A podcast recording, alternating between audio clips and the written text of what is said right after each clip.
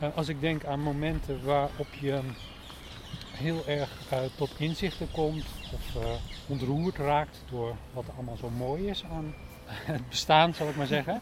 Dan kan dat ook zijn, herinner ik me heel goed, in een, in een bomvolle metro, ingeklemd tussen honderden mensen die klem tegen je aanstaan. Dan kun je ook ineens heel erg ontroerd worden door... dat overvalt je soms ineens. En dat kun je... bij mij althans werkt het niet zoals dat wordt opgelegd oké, nu, nu moet ik aan introspectie doen. En ik denk dat, ehm, eh, ik herinner me dat toen we door Tokio liepen, in die gigantisch grote mensenmassa, zo'n mierenhoop echt. En iedereen gaat over, over die zebrapaden dwars door elkaar heen en het functioneert allemaal. Daar krijg je soms nog diepere inzichten terwijl je daar loopt. Uh, lost in translation, als je daar bent. Volgens mij word je, word je daardoor overvallen door momenten van inzicht of van contemplatie of van dat je, dat je eh, eh, rust ervaart. Dat zit er niet in letterlijke rust, bij mij althans niet. Daar heb je niet per se stilte voor nodig. Of, of... Nee, dat is iets dat je niet kan afdwingen. Nee, dat kun je niet afdwingen. Nee, dat denk ik.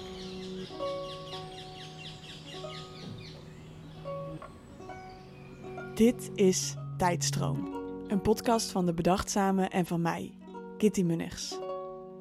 Aan de rand van Maarsen ligt Doornburg, een buitenplaats die al bestaat sinds de 17e eeuw. In de jaren 60 werd hier een klooster gebouwd en daar, in het voormalige bibliotheekkamertje, spreek ik met makers, schrijvers en kunstenaars. Hoe beleven zij de tijd? Want de tijd houdt ons bezig, laat ons wachten, brengt ons inspiratie.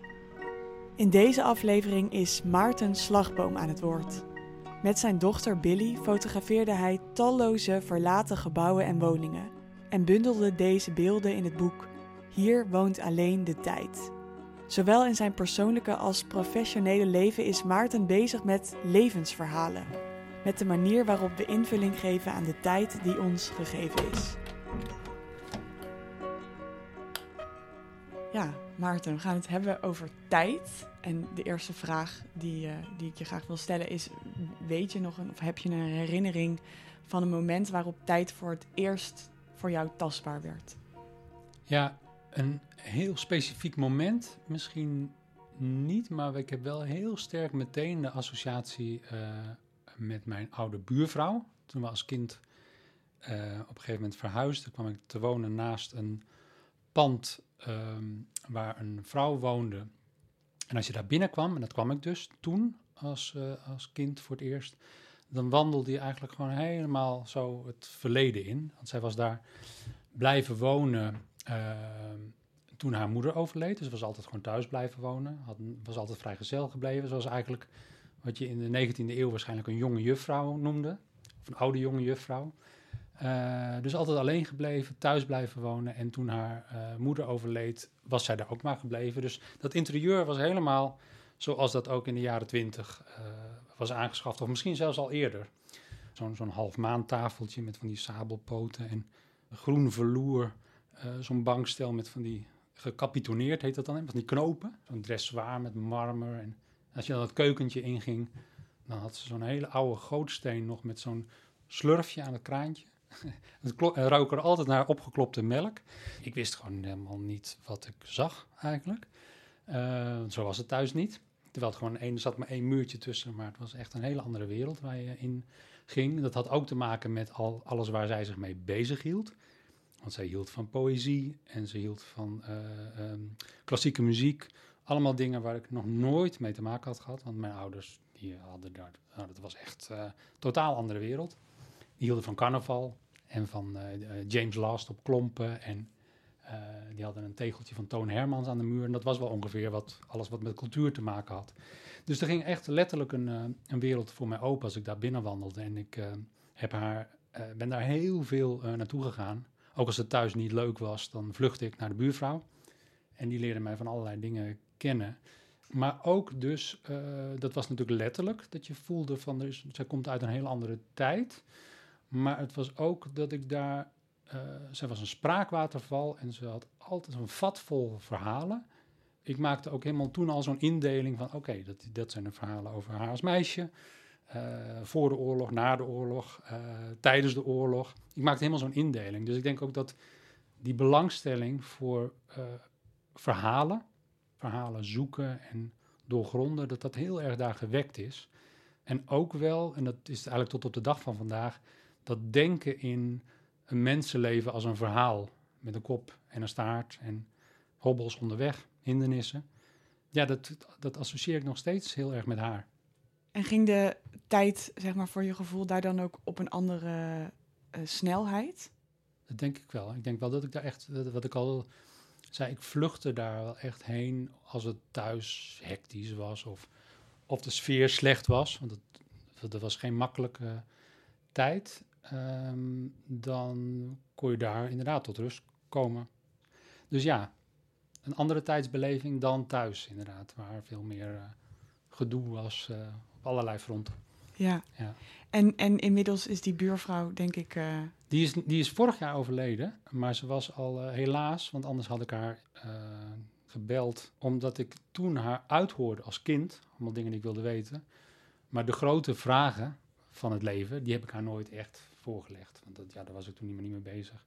Waar droomde ze over? Waar verlangde ze naar? Eh, misschien is er wel degelijk ooit een liefde in haar leven geweest. Eh, ik denk het niet, maar ik weet het natuurlijk niet zeker.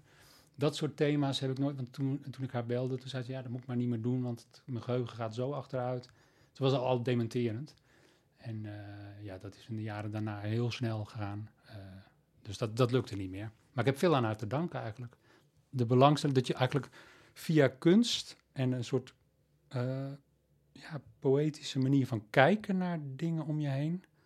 Dat is daar denk ik begonnen, denk ik. En als je nu naar je dagelijks leven zou kijken, leef je dan meer in, het, in je ouderlijk huis of meer in het huis van de buurvrouw? Eh, veel meer in het huis van de buurvrouw. Ja, nee, zeker. Ja, daar ben ik steeds meer heen gedreven. Niet dat ik zo allemaal oude meubels om me heen heb hoor, maar dat niet. Maar meer in, in, in ehm, figuurlijke zin. Dat je een beetje zoals wat Tarkovsky, de filmmaker, dat ook zei. Die zei, die zei van ja, poëzie eh, beschouw ik niet zozeer als een genre. Ik lees eigenlijk nooit, zelden of nooit gedichten, maar het is meer hoe je je tot de wereld verhoudt. Een manier van kijken. En dat, dat herken ik wel. En het zijn ook de dingen waar je echt de tijd voor moet nemen. Ja, daar moet je wel de tijd voor nemen, dat klopt. En, en neem je daar ook de tijd voor? Gaat dat, gaat dat je makkelijk af?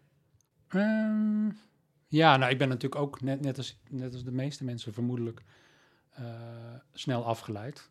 Dus ik heb er natuurlijk ook wel ehm, soms moeite mee om die tijd... te- maar ik, ik, merk wel dat als ik het dan doe, dat dat dan ook loont.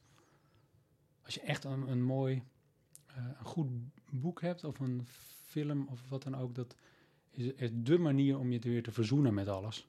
Zo zie ik dat eigenlijk. En ja, dat gaat eigenlijk alleen maar als je er helemaal voor open staat. Niet even tussendoor. Maar dat kan ook terwijl je eh, aan de wandel bent natuurlijk. Je hebt je koptelefoon op. Dus dat, dat doe ik ook wel veel. Eh, heb je het gevoel dat je eh, ook makkelijk tijd kunt verspillen? Bestaat zoiets voor jou als tijd verspillen? Hmm. Tijd verspillen eigenlijk alleen maar als het over werk gaat. Niet buiten het werk om, nee. Als het over werk gaat natuurlijk wel. Dan denk ik, ja, wat heb ik nou eigenlijk gedaan? Afgelopen uur of, of deze ochtend. Maar buiten werk om niet. Eigenlijk. Nee. Heb ik dat niet zo tijd verspillen? Nee. En kan je dan wel betere, nuttigere dagen hebben dan anderen? Of is dat dan ook echt per se werkgerelateerd? Nee, eh, als ik, als ik zo'n eh, ervaring heb, zoals ik net eigenlijk eh, beschreef, hè, dat je iets gelezen, gezien, meegemaakt hebt, wat, wat je, al is het maar op een heel klein niveau, een inzicht geeft of een, een eh, herkenning of, of wat dan ook, dan is dat die dag al heel erg geslaagd, vind ik. In ieder geval dat je eventjes niet het alleen maar zo tot je laat komen en denkt, oh ja, dat moet ik even weten. Hoe zit het in Oekraïne? Hoe zit het dat? Maar dat er gewoon één, één verhaal is of één getuigenis of een foto die je echt raakt. Ja, dat, dat, daar draait het toch allemaal een beetje om. En op zo'n moment dat je dan geraakt wordt, hoe, hoe beleef je de tijd dan? Ehm, ja, daar ben ik dan op dat moment niet zo heel erg mee bezig, denk ik, met hoe ik dan de tijd beleef. Kijk, als het over tijdsbeleving gaat, ik, ben, ik ben heel erg bezig met uh, het verhaal dat je van je leven maakt en de levensfases waar je in zit. Dus ik zie, ik ben veel meer bezig met tijd uh, als in die hele tijd die gegeven is, dan in de tijd op dagelijkse basis of, of, binnen een uur of wat dan ook. De thematiek eigenlijk, ook, ook in, uh, in de fotografie, ook in, in, we zijn, hebben nu een serie ontwikkeld, die gaat ook weer over, ja, als je deftig zegt, over vergankelijkheid of over gewoon het leven dat aan je voorbij trekt. Dat is eigenlijk veel meer waar ik me mee bezig hou, denk ik, dan op heel klein niveau binnen een dag of een middag of een uur. Wat natuurlijk ook kan. Dat je gewoon kijkt hoe je een minuut verstrijkt. Maar ik denk thematisch gezien dat ik heel erg bezig ben met hoe een leven uh, als een soort schaduw uh, voorbij trekt. Ja. ja. Ja, dus de tijd inderdaad, je kan hem, je kan hem zien als, een, als de, de tijd van de aarde bijvoorbeeld. Ja. Of de tijd van de mensheid, de Ja. tijd van een Ja. minuut, van een uur. Ja, Of inderdaad dat je de eenheid van een, een mensenleven neemt. ja. En dan ook wel weer die mensenlevens die dan, die dan eh, volgen hoor. Die hele cyclus die altijd maar door, eh, eh, doorgaat. Ik heb een, een tekst, vond ik, die vind ik zo ehm, kernachtig. Vind je dat goed ook? Die, Ja, ja, graag. Ehm, die zegt heel, dat vond ik ontzettend aansprekend. Dat is van de Amerikaanse schrijver Paul Bowles. eh, in The Sheltering Sky, een roman. Die schrijft: Omdat we niet weten wanneer we zullen sterven, beschouwen we het leven als een onuitputtelijke bron. Toch gebeurt alles maar een zeker aantal keren. En eigenlijk nog maar een heel klein aantal keer ook. Hoe vaak zul je een bepaalde middag uit je jeugd nog herinneren? Een middag die zo'n wezenlijk deel van je wezen uitmaakt dat je je leven er niet zonder kunt voorstellen. Misschien nog vier, vijf keer. En misschien zelfs dat niet. Hoeveel keer zul je de volle maan nog zien opkomen? Misschien twintig keer. En toch lijkt alles eindeloos.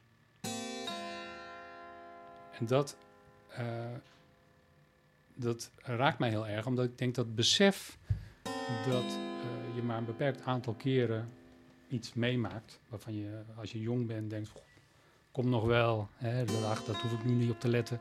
Dat is eigenlijk de normaalste zaak van de wereld. Dat, eh, dat daalt ergens in, ongemerkt.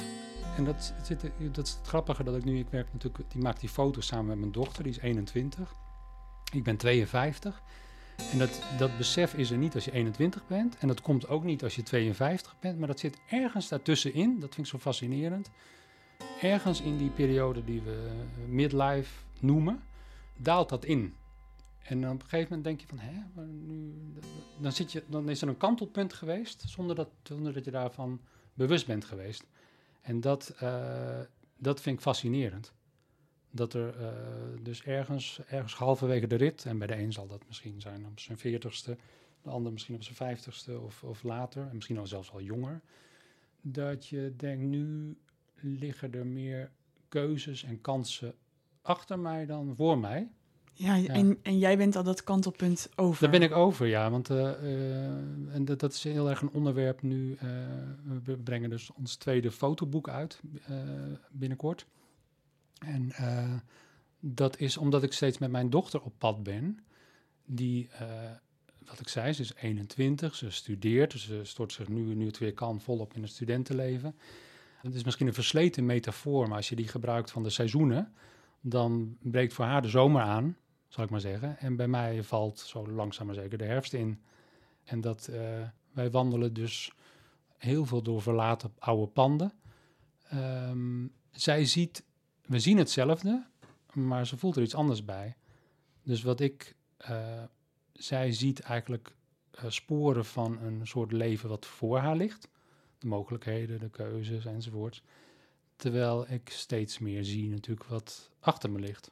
En dat, eh, dat is eigenlijk waar we nu heel erg mee bezig zijn met die thematiek. Ja, het is bijna alsof je je omkeert in de tijd. Dus dat je Ja. eerst heel lang vooruit kijkt en dat je nu... Ja.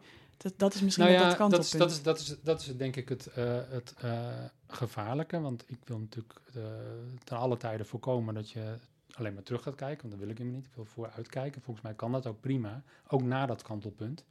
Ik geloof dat het die eh, geheugenprofessor, Draaisma, Douwe Draaisma in Groningen, die zei van als je heel veel mensen die worden zo gaandeweg als ze pakweg halverwege de 50 zijn, worden zo'n rugzwemmer. Dat vond ik wel treffend. Dus je gaat vooruit, maar je kijkt achteruit. Dat lijkt mij niet een lonkend perspectief, eerlijk gezegd. Ik ben helemaal niet, ik hou helemaal niet van nostalgie. En, uh, um, dus de kunst is denk ik om een vorm te vinden waarop je wel uh, reëel bent en beseft dat, dat, er, nou ja, dat je uh, heel veel dingen zich wel hebben uitgetekend, maar dat je op een, toch op een andere manier gaat kijken naar dingen om je heen, waardoor je toch weer nieuwe dingen ervaart steeds. En dat vind ik een, uh, dat is een belangrijk onderwerp, denk ik, omdat het is, ook, het, is ook niet een, het is ook een abstract onderwerp, maar het is iets wat heel wezenlijk is voor ons, denk ik, als uh, mens. We, blinken nergens in uit als diersoort. We zijn niet heel snel. En we zijn ook, ook niet heel goed zien. We kunnen geen infrarood zien of uh, ultraviolet of wat dan ook. Dus we hebben niet zo'n hele bijzondere eigenschap. Maar we, we zijn wel, voor zover bekend, de enige diersoort die weet dat je zo'n pakweg 80 jaar hebt. En dus ook, uh, daarom zijn we zo verhalend. Denk, houden we zo van verhalen. Omdat je uh, weet wat er is in het verleden heeft af. Je bent niet in het nu. Je weet natuurlijk wat er achter je ligt. En je weet wat er misschien voor je ligt. Of je, of je hebt verlangens en dromen en, en dingen die je wil gaan, gaan doen. En er zit dus ergens halverwege de rit zo'n soort kantelpunt. Uh, je zei net um, dat, dat wij mensen eigenlijk niet in het hier en nu kunnen leven. Dus we, we hebben altijd de toekomst en ja. het verleden en die verhalen. Ja. Zijn er wel momenten dat je het gevoel hebt dat, dat je echt helemaal in het moment nou, bent? je zit wel eens, als je, dat dan, als je het populair zegt, in een flow. Dat je denkt van, god, waar is de tijd gebleven? Ik heb, uh, ben gewoon helemaal in een roes met dingen bezig geweest. Dat wel. Maar ik, uh, ik, ik heb geen talent voor uh, de, de hele wereld van mindfulness en streven naar in het nu leven. Omdat ik denk dat juist dat bij uitstek zo bijzonder is aan ons. Dat we dat niet doen. Misschien is het wel heilzaam op sommige momenten. Maar dat je al, dat in, ieder geval betrap ik mezelf daarop. Dat ik altijd verhalen denk. Dus inderdaad, je, je, hebt wat er achter je ligt. Je hebt het heden en je hebt wat er... Dat is een eenheid, die drie. En in het nu leven, dat is een, een, een, een, een zwijn op de Veluwe wel gegeven. Maar mij niet, denk ik. Dat is ook wel jaloersmakend. Dat is... Uh, uh, waarom Nietzsche het had over um, de mens is het, het, het, het meest ongedefinieerde dier. En daar bedoelde hij eigenlijk ook volgens mij dit mee. Van ja, we zijn gedoemd om wat te dolen. Want we kunnen dat niet. We, we, zijn niet gewoon alleen maar aan het leven. omdat we nou eenmaal opgezadeld zijn met dat besef. Er komt een eind aan. En voor zover wij weten hebben andere dieren dat zijn daar niet zo mee bezig. Dus dat is een, een vloek en een zegen, denk ik. Je zei net dat je naar de wereld kijkt met een verhalen, op een verhalende manier. Ja. En, en dat is dan dus dat je de hele tijd bezig bent met verleden en toekomst. Uh, ja, maar ook gewoon het verhalen zoeken. Ik denk dat, dat, dat wij allemaal tot op zekere hoogte steeds het verhaal dat we van ons leven maken bijstellen. Dat is een soort overlevingsmechanisme, denk ik. Want ik denk als je op je vijftiende, dan droom je van dingen en heb je allerlei ambities en, en dingen en wensen.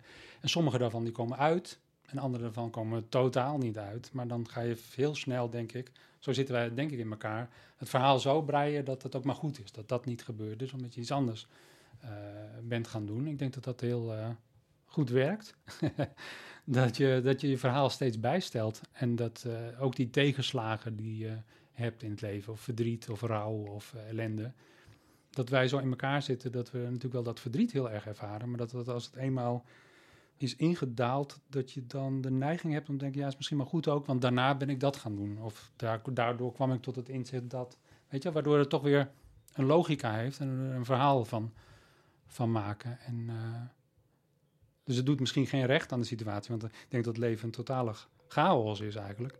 En er gebeurt maar wat en er overkomt je wat en zoveel kies je nou ook weer niet daadwerkelijk, maar overkomt je. Maar ik denk dat we dat het heel aantrekkelijk is om daar toch een soort logica, een verband in te zien. Terugkijkend, maar ook vooruitkijkend. Steeds weer. En dat stel je dan voortdurend bij. Ja, dat denk ik. Heb je wel eens momenten gehad dat je die, die rode draad helemaal kwijt was? Um, ja. Ja. Wij, wij hebben na de geboorte van Billy, uh, dus mijn, uh, mijn dochter met wie ik de foto's maak, uh, is mijn vrouw nog een keer zwanger geworden. Dat was een, een bleek bij een, een prenatale test een meervoudig gehandicapt kind te gaan worden. Eh, of te zijn al. Maar dat zou dan in de, in de loop van de zwangerschap eigenlijk alleen nog maar toe gaan nemen, die problemen. Gaat trouwens ook over tijd, dit realiseer ik me nu we hier zitten te praten. Dat zette de boel bij ons heel erg op zijn kop, omdat we eigenlijk tegen elkaar altijd hadden gezegd, eh, zoals je dat wel veel mensen denk doen die zwanger proberen te worden, van wat nou als er wat is? En wij hadden, wij hadden altijd tegen elkaar gezegd, nou ja, dan dealen we daarmee. Zien we wel, weet je wel, dan, eh, dan lossen we wel op. Laat maar komen. Ja, dat, dat hoort erbij. Terwijl op het moment zelf was de situatie zo ernstig, eh, dat we dat ineens niet meer zo zeker wisten. Of, we dat, of dat nou wel zo goed was om te doen. Voor haar ook, voor ons, maar ook voor eh, het meisje dat eh, geboren zou worden. Ehm, en toen kregen wij ehm, vanwege de, de medisch- medisch-ethische regelgeving twee weken de tijd om daar iets over te besluiten samen.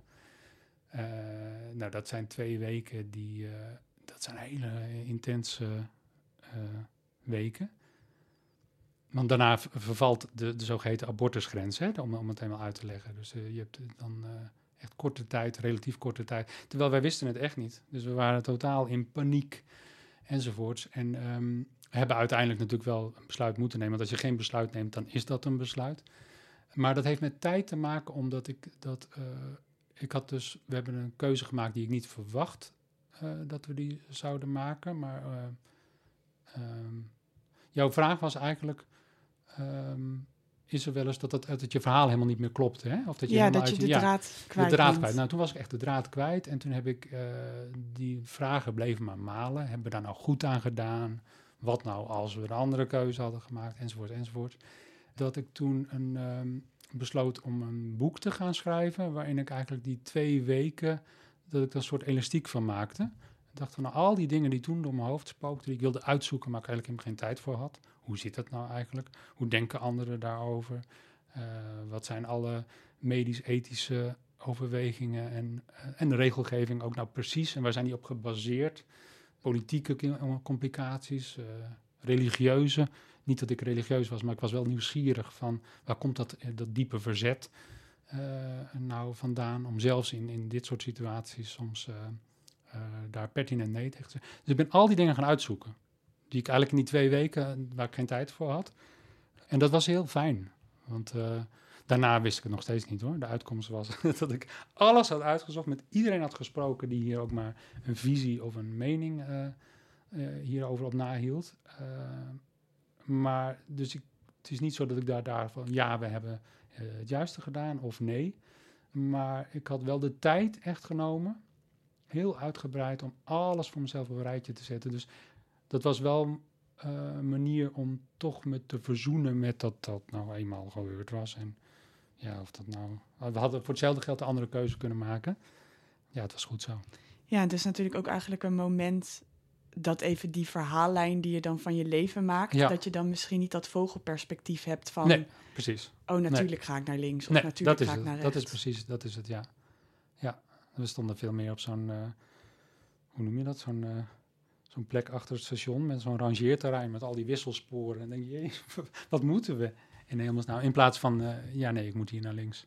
Wist het gewoon helemaal niet. Ja, en ook, een, ook echt een kantelpunt eigenlijk van je leven, van hè, hoe gaat die rode draad verder? Hoe, eh, Nou ja, omdat ik verrast was eigenlijk wel waar we op uitkwamen. En eh, ik denk dat dat een soort ehm, scharnierpunt is geweest in de zin van dat ik eigenlijk eh, over maar heel weinig onderwerpen sindsdien denk van nou, dit is wat ik, dat ik radicale standpunten. ik zou niet meer zo snel iets, ik denk meer in grijstinten sindsdien dan daarvoor. Maar het is een cliché, maar als je, op, eh, als je voor een situatie gesteld wordt dan zelf, je ondergaat het zelf, dan gaan er hele andere dingen spelen eh, aan emoties en overwegingen. Dus dat bij, bij dilemma's of dingen die overkomen, denk ik dat nu. Van ja, ik kan wel meteen wat roepen wat ik vind dat er zou moeten of wat ik zou doen. Maar ik weet het natuurlijk helemaal niet wat ik zou doen.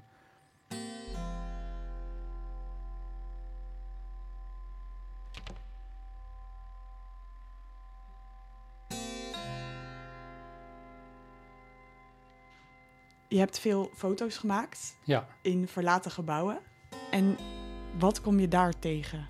gebouwen die soms al decennia lang leeg staan, die vervallen zijn. Dus er zitten gaten vaak in de, in de plafonds waardoor het weer erin komt. Dus dan gaat de muren gaan uh, schimmelen. Uh, er komt uh, mos als je lang genoeg wacht.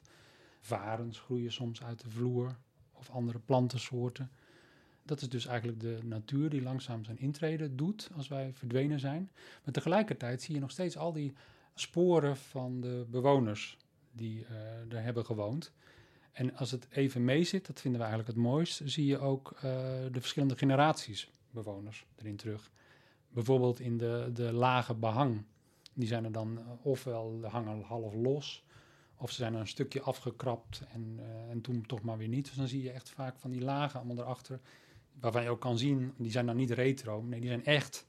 Um, en dat is heel, um, dat is het, het gekke dat je dus door panden loopt die vervallen zijn en die eigenlijk, uh, ja, waar dingen stuk gaan, zou ik maar zeggen. Maar uh, wij associëren het heel erg met uh, een soort levenslust, omdat je daar heel erg geconfronteerd wordt met waar wij het net over hadden. Dat je, je hebt maar één leven, dat zie je ook heel duidelijk aan al die, uh, al die sporen. Wij zijn één zo'n laagje, als het ware, op die, op die muur. We brengen allemaal onze behangstrook aan of, of, een, of een laag verf. Maar uh, we maken deel uit van zo'n altijd maar doorlopende cyclus. En we moeten het in, in die korte periode dat we er zijn iets moois van zien te maken. Dat, dat voelde, dat is heel sterk daar was heel, uh, we waren heel blij. Het parool kopte boven een stuk van ons, um, over ons boek, een viering van het leven. En dat is het echt. Terwijl je door uh, kapotte oude uh, zooi loopt. Ehm, het voelt echt als een viering van het leven, ja. Dus we zoeken het eigenlijk op, dat je, gewoon, dat je heel erg met de neus op de feiten gedrukt wordt. Van je bent er maar even, je bent maar één zo'n laagje even. Maar dat is niet treurig makend, maar juist, ehm, ja, dat verzoent je juist met alles. Ja, dat je eigenlijk al die cycli ziet Ja. van mensenlevens Ja. en Ja, daar dan even op bezoek mag. ja. ja, dat is het eigenlijk, ja. Het is net zoals jij nu met mij zit te praten. Zo'n zo'n zo'n eh, pand wordt eigenlijk, eh, zonder dat ik weet, want dat hoef ik ook helemaal niet te weten, wie daar nou precies gewoond heeft. Maar het is net alsof je een ontmoeting hebt inderdaad met iemand. Alsof je even iemand helemaal leeg kan eh, trekken. En daarna doe je weer netjes de deur dicht. En dat was het dan. Volgende pand. En de natuur is dan eigenlijk hetgeen wat, wat eh, steeds weer terugkomt of wat steeds eh, weer zo'n plek dan in, in beslag neemt? Of, hoe zie je dat? Ik weet niet of de, de, de, de, de natuurkant, of dat nou de kern is van het verhaal. Het is eigenlijk, denk ik, veel meer de confrontatie met, eh, met al die, die, die lagen, die, die voorgangers. En dat is op gek genoeg juist troostrijk. Dat het, dat het gewoon doorgaat ook altijd. Dat het, en dat dat. eh, ja, dat is waar wij als mensen mee behept zijn, maar het is ook je kan daar ook uh, genot aan ontlenen, denk ik. Ja, want wat is dan precies dat, dat troostrijke? Eigenlijk zegt het namelijk ook van je leven gaat voorbij. Het he Ja. heeft misschien ook niet heel veel zin wat je allemaal doet. Nou, het heeft heel veel zin, omdat je dus uh, weet, je bent er maar even. Je, hebt, je moet ook eigenlijk gewoon uh, mooie uh, dingen doen en ervan genieten. Van, omdat je weet van als ik het nu niet doe, dan gebeurt het helemaal niet. Dus het spoort je ook aan om juist goed om je heen te kijken. En intensere ervaringen te hebben. Ook weer door de tijd te nemen, bijvoorbeeld voor dingen. Terwijl als je, als je dat niet zou weten, dan doe je alleen maar gewoon. Dan leef je en dan vegeteer je. Dus het is ook, ik zie het als een soort cadeautje toch. Dat er een eind aan zit, anders zou je dat niet doen. Het simpele gegeven dat er een, uh, een kop en een staart zit en dat dat te overzien is, is denk ik een, een cadeau. Dat denk ik wel, ja. Dat maakt het mogelijk om, om uh, er ja, ten volle in te gaan. Om echt goed uh, vol, volop te leven.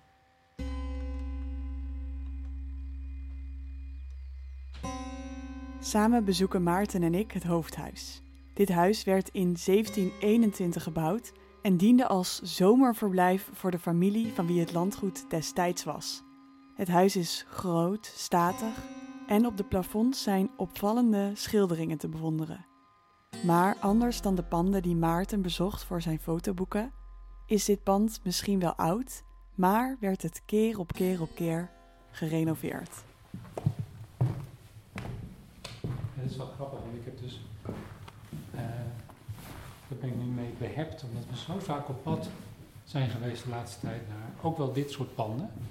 Ook wel hele gewone woonhuizen, hoor, maar ook van die barokke panden in eh, Portugal en eh, Frankrijk enzovoorts. Dat, je, dat wij dan heel erg geneigd zijn om te denken, ook als we hier aan voorbij lopen, van het zonde toch dat ze dat steeds hebben opgeknapt. en dat het gerenoveerd is en dat ze het bijhouden. Wat zou dit mooi zijn geweest als dit in verval was geraakt? Ah, Snap je? ja. En dat ik dan de neiging heb ook om, als ik hier zo loop, om daar dan over te fantaseren hoe het eruit zou zien als eh, het gewoon aan zo'n lot was overgelaten, dit pand. Laten we zeggen de afgelopen 50 jaar of zo. Want dit is hoe oud? Eh, een paar honderd jaar of zo? Ja, een paar honderd jaar. Ja. En, en eh, beschrijf eens wat gebeurt er dan, wat, wat zie je dan gebeuren als dit 50 jaar eh, nou ja, niet nou ja, zou zijn? de- eh, hoe hoog, het, ik denk dat als we zo'n pand, als wij op pad zijn, als we dat opzoeken, dan ehm, hoe hoger je komt in het pand, hoe meer het weer erin is gekomen doorgaans. Het is heel gunstig als er gaten in het dak zijn gekomen. Dat zien we van tevoren al, want we kijken, maken heel veel gebruik van Google Earth. Dus je ziet al in een- als je op Google Earth kijkt, zie je al van dat er eh, rare planten uit het dak oh ja, groeien of dat de boel half is ingestort. Ehm, dus je, we proberen ons dan naar boven te werken in dat pand eh, en te kijken hoe ver je komt. Soms lukt dat ook niet, omdat gewoon de trap half is ingestort en is het gewoon niet veilig. Dus je moet echt als een soort ijsmeester zo denken van nou dit lukt nog wel, dit lukt niet. Maar hoe hoger je komt, ook hoe mooier het vaak is. Het is echt, eh, die, eigenlijk als het weer erin komt, gaat er dus ook meer groeien en bloeien. ja. Aan, aan, En dat aan- is dan mos en schimmels en- mooi. dat is mooi, ja. Want dan zie je eigenlijk dat, dat na die hele cyclus van al die generaties mensen die er hebben gewoond, dat dat leven op een andere manier daar weer voortgezet wordt. Dat dat eigenlijk dan weer de volgende laag is. Die begroeiing. Dat, dat hele idee van een, een pand, hè, dit is dan, hier wordt dan, ik weet niet hoeveel, misschien valt het ook wel mee hoor, maar er wordt behoorlijk veel geld, denk ik, ingestoken in de loop der decennia om dit goed te onderhouden. En om het mooi te houden, dat is aan de ene kant natuurlijk heel eh, voorstelbaar en logisch. En goed als het om een monument gaat. Aan de andere kant denk ik ehm, dat eh, daar schreef Olga Tokarczuk, die, die Poolse Nobelprijswinnaar, die heeft een roman geschreven. En daar voert ze op een, een eh, gebouw alsof het een personage is. Daar hou ik ook erg van, zo denk ik ook wel vaak aan een gebouw als een personage. En dan, dan schrijft zij ehm, zoiets van het wekte de indruk, het gebouw, dat het met rust gelaten wilde worden. Dat het eigenlijk uitstraalt van niet weer een renovatie, laat me met rust. Laat mij wegrotten. Ik heb al zoveel meegemaakt hier, ik ben al van zoveel dingen getuige geweest. Dat kan ik mij wel voorstellen, dat vind ik wel ontroerend. Dat je gewoon zoals een boom ook uiteindelijk het begeeft naar x, ja, een paar honderd jaar. Eh, er komt een eind aan. Dus dat gun je zo'n gebouw ook. Als je, als je het dan toch, waar ik toe geneigd ben, dat is misschien een afwijking hoor, maar als je als een personage ziet, zo'n gebouw, dan denk je van op een gegeven moment is het ook mooi geweest. Dan moet je ook denken van nou gaan we niet weer alles weer opnieuw eh, eh, schilderen en renoveren en, en maar weer door. Op een gegeven moment verdient zo'n gebouw ook eh, rust. Ja. Laat het lekker wegrotten. Ja. Jij er foto's van Dan, maken. ga ik een fo- ja, dan komen wij hier over een jaar of twintig nog eens. En dan, eh, En dan eh, groeien er wat plantjes. nou ja, dan is dit eigenlijk waar we hier nu staan. Hè? Want we zijn nu netjes door de voordeur gekomen. Maar dan zou eigenlijk gewoon hier één zo'n raampje zou genoeg zijn. Dit om ons doorheen te wurmen, als dat open is. Als er een raampje hier eh, kapot is. eh, ja, één zo'n raampje, daar komen wij, dan, eh, dat, dat is voldoende. En daar en komen dan dan, wat plantjes zo. Dan komen je dan naar binnen. Plantjes, overal schimmelt het. Alles kraakt. En je hoort ergens dan, dat is eigenlijk overal in al die panden waar we komen, maakt eigenlijk niet uit of het nou een, een, fabriek is of een woonhuis of een theater of wat dan ook. Je hebt altijd dezelfde soundtrack. Dat is namelijk dat gekraak van je voetstap of van ja, eh, kapotte stukken waar je op komt, kapot glas. Dat, eh, dat je Oh ja. dan in nog meer stukjes breekt per ongeluk. eh, ergens in de verte een, een plas water waar een regendruppel in valt. Vrijwel altijd. Tenzij het heel lang droog is geweest natuurlijk. En opfladderende duiven. Dus het is eigenlijk hier nu stiller nog dan in de meeste van die verlaten plekken. Ja. Behalve soms een beetje de kraak in de vloer. Ja, de kraak in de vloer, ja. ja. ja. Ja.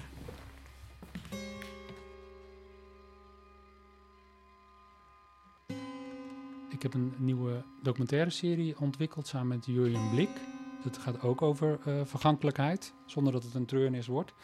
Een soort mozaïekvertelling wordt dat um, over mensen die allemaal een zekere tijdsdruk ervaren om iets voor elkaar te boksen. Als ik het nu niet doe, dan komt het er niet meer van.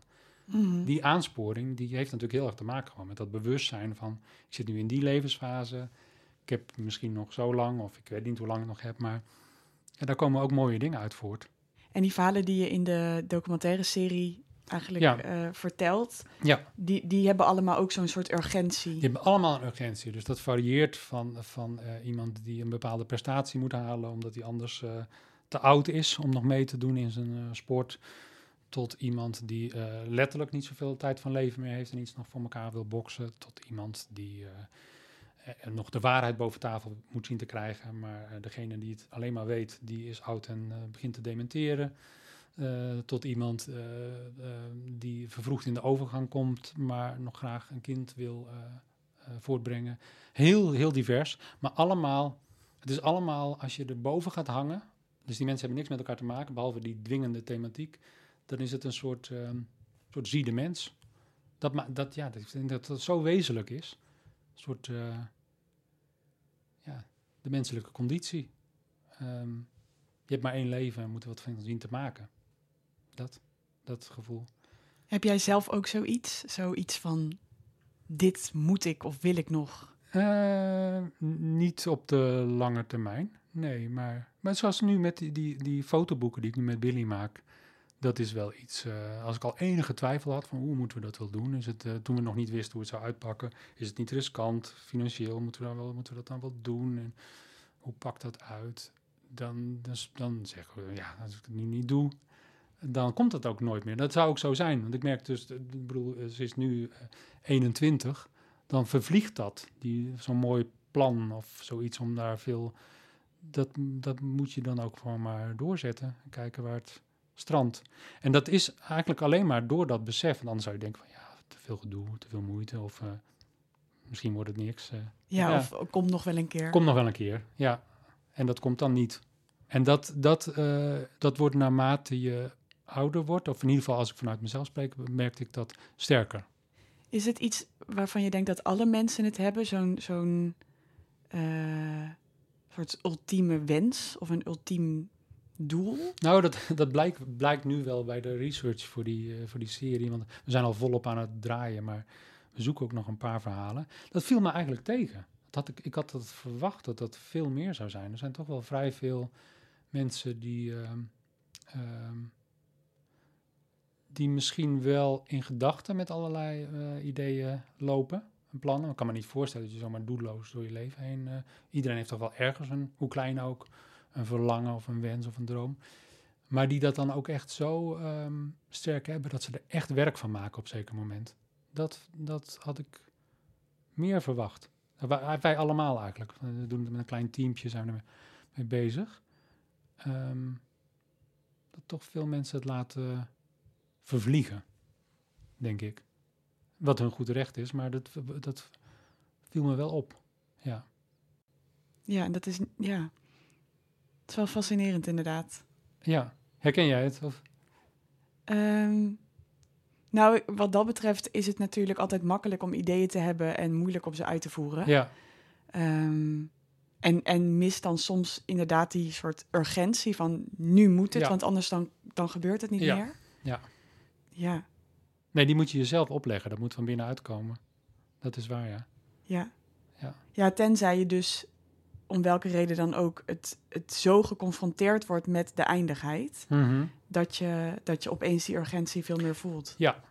Maar het is eigenlijk, als- je een, ehm, een, eh, dat zullen de meeste mensen wel herkennen. Als je een crematie of een begrafenis hebt, dan daarna denk je, oh, het, het vliegt allemaal voorbij en we gaat het snel en ik moet nu echt dit doen. En, eh, eh, en dat, dat vasthouden, dus net als na een vakantiegevoel, weet je wel, wat je vast wil houden, dat lukt meestal niet zo goed. En de, de, volgens mij is de kunst om dat, zonder, dat het, eh, zonder die laag van verdriet en rouw, om dat toch vast te houden en er juist iets positiefs van te maken eigenlijk.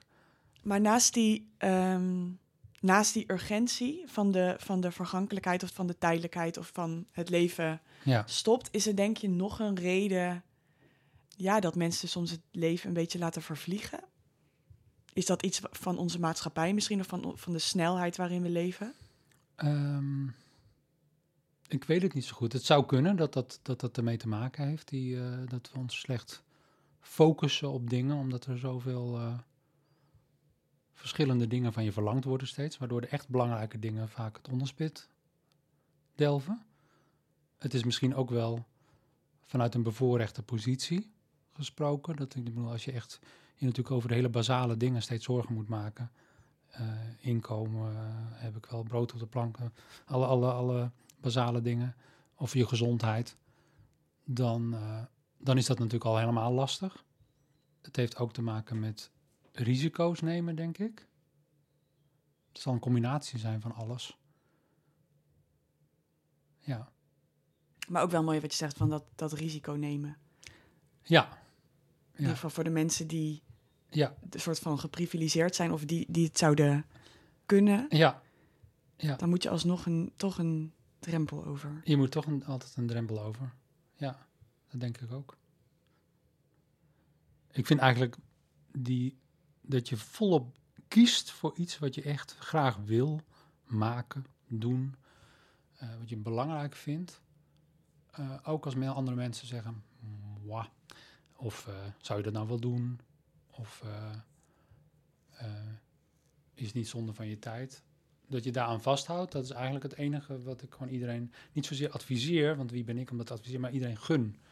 Dat wel. Dat is denk ik heel belangrijk, dat je gewoon af en toe dingen doet ook die, eh, die niet ehm, voor de hand liggen om te doen. Want voor je het weet, eh, komt het er niet meer van. Ja.